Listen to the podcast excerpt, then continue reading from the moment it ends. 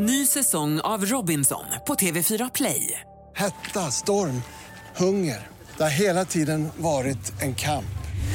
Nu är det blod och tårar. Fan händer just nu. Det. är Detta är inte okej. Robinson 2024, nu fucking kör vi! Streama söndag på TV4 Play. Du lyssnar på en podcast från Expressen. Fler poddar hittar du på expressen.se podcast och på iTunes. Det här är Expressen Dokument om att Nelson Mandela enade landet men inte familjen av Mats Larsson som jag, Johan Bengtsson, läser upp.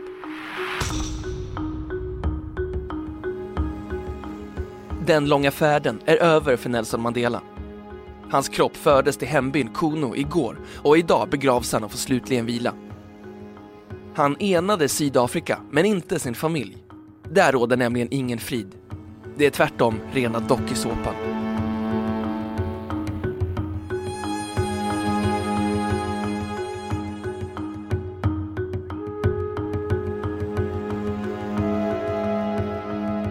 Zanele Negiba, 42, kan inte hålla tillbaka tårarna längre. Stunden är inne.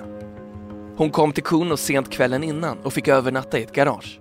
Bilresan från Durban tog sex timmar, men det var det värt. Jag ville se honom en sista gång. Det här är vårt sista ögonblick med honom, säger hon och torkar tårarna. Hon talar förstås om Nelson Mandela. Han har just passerat här förbi i en väldig kortege från Mtata, den närmaste staden med en flygplats. Några minuter senare är han framme vid gården där han ska begravas. Det känns mycket tungt nu. Vi hade fortfarande så mycket att lära av honom, säger hon. Zanele Negiba kommer att stanna här även idag under begravningen, men hon får likt så gott som alla andra se den på TV. Cirka 4500 VIP-gäster ska dock vara på plats senast klockan 07.00. Ett väldigt tält har rests på Mandelas gård och där håller de till. Det är dock inte så många stats och regeringschefer på plats den här gången. De flesta kom till minnesceremonin i tisdags istället. Det var en enklare logistik där än här i en liten by i östra Kapprovinsen. Det har varit några omtumlande dagar för Sydafrika. Dagar som ibland påmint om rena farsen, som tolken som inte kunde teckenspråk och som blottat sprickorna i det sydafrikanska samhället. President Zuma blev exempelvis utbuad vid den stora minneshögtiden i tisdags inför hela världen. Och ärkebiskop Desmond Tutu har inte fått någon inbjudan till begravningen.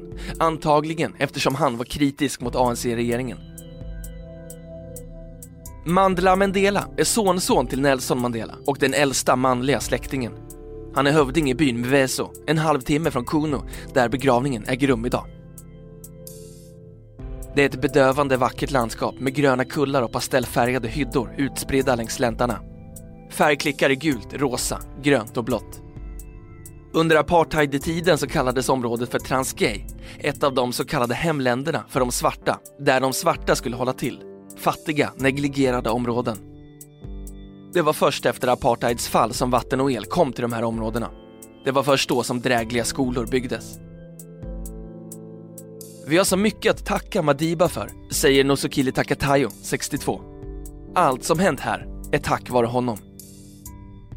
Mats Larsson träffar henne i Miveso när de kommer bärande på ved som ska användas till tillagningen av de får som just slaktats. Det ska nämligen hållas en minneshögtid till Nelson Mandelas minne. Hövdingar från byarna omkring deltar. Även ANCs generalsekreterare är på plats.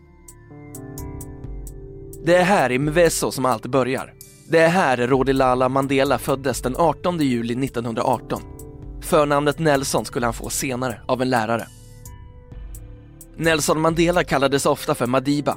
Det är egentligen namnet på den klan han tillhörde. Den klan som Mandla Mandela, sonsonen, nu är hövding över. Mandla är dock inte hemma dessa dagar. Han har vakat vid kistan i Pretoria under lite parad och återvände igår hem med kistan. Men det är ett nederlag för Mandela Mandela att begravningen idag äger rum i Kuno. Han hade nämligen önskat att farfar skulle vila i Mveso istället. Eller som Nusukile Takatayo uttrycker det. Madiba föddes här. Han borde också begravas här. Hon är en av få bybor som vågar säga något. De andra hänvisar bara till familjen Mandela. Det är ett känsligt kapitel eftersom familjen är osams. Traditionen bjuder att man ska begravas på samma ställe där navelsträngen grävdes ner och det är här i Mveso. Men en annan tradition säger också att man ska begravas bland sina släktingar och Nelson Mandelas pappa och mamma och tre av hans sex barn ligger begravda på en enkel gravplats i Kuno. Nelson Mandela själv hade också uttryckt en önskan om att få begravas i Kuno. Han flyttade hit redan som spädbarn, har sina första minnen här och det är här han lät bygga flera hus åt sig.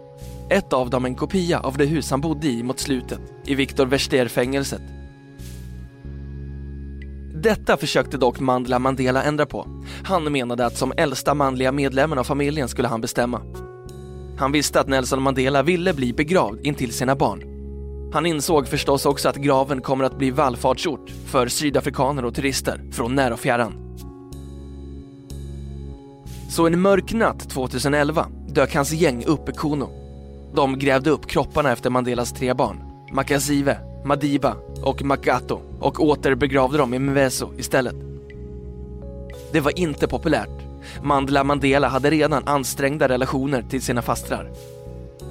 Tre av Mandelas döttrar är i livet. Makasive, Mandela hade två döttrar med samma namn. Den första avled som spädbarn. Senani och Sintsi. Den äldsta av dem, Makasive Mandela, förenade sig med en grupp andra släktingar och gick till domstol. Allt utspelade sig i somras samtidigt som Nelson Mandela kämpade för livet på sjukhus. Och Mandela Mandela drog det kortaste strået. Kort efter domstolens beslut så anlände dottern Makazive till Mveso med sina allierade, grävde upp kropparna på nytt och sänkte dem åter i konons jord. Den här gången lades dock kropparna i nya gravar på Nelson Mandelas gård. Det är intill dem han själv kommer att begravas idag. Många släktingar i Mandelas utökade familj har anlänt till Kuno för att delta i begravningen idag. En del av dem är släkt bara på långt håll. Vujo Plache är dock tillräckligt nära för att ha träffat sin släkting flera gånger. Hennes mormor var syster till Nelson Mandela. Jag brukade alltid få uppläxningar av honom för att mina betyg inte var höga nog, säger hon och ler. Inget var viktigare för Tatum Kolo än skola och utbildning. Tatum Kolo betyder farfar på Xhosa hon använder det hela tiden när hon pratar om Nelson Mandela. Men det är nu inte bara gravplatsen som släkten Mandela bråkat om. Släktens gräl för tankarna till tv-serien Dallas med alla sina familjeintriger. Två av barnbarnen, Swati och Sasive, har för övrigt haft en egen dokusåpa. De fick inget vidare mottagande i Sydafrika när den sändes häromåret.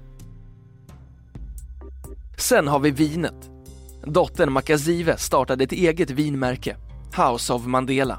Hon är dotter till Mandelas första hustru Evelyn. Men hustru nummer två, Winnie, blev rasande när hon fick höra att styvdottern tänkte lansera vinet på Mandelas 90-årsdag och bojkottade hela evenemanget.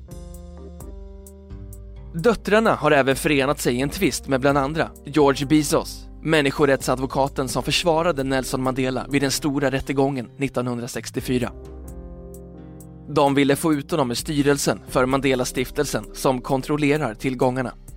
Men de gav upp tidigare i år, möjligen eftersom de insett att det inte fanns så mycket att slåss om. Hur illa tvisterna än varit så finns det en del som fruktar att det blir ännu värre nu när Nelson Mandela är borta. Det äldsta barnbarnet, Ndikela, är en av dem.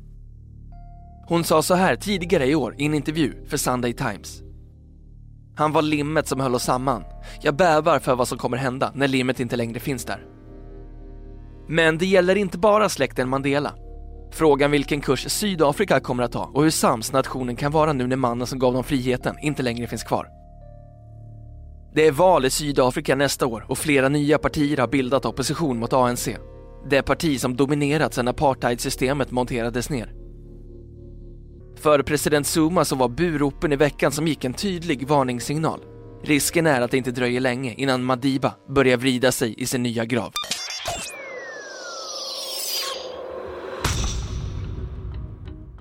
Du har lyssnat på en podcast från Expressen. Ansvarig utgivare är Thomas Mattsson. Fler poddar finns på Expressen.se och på iTunes.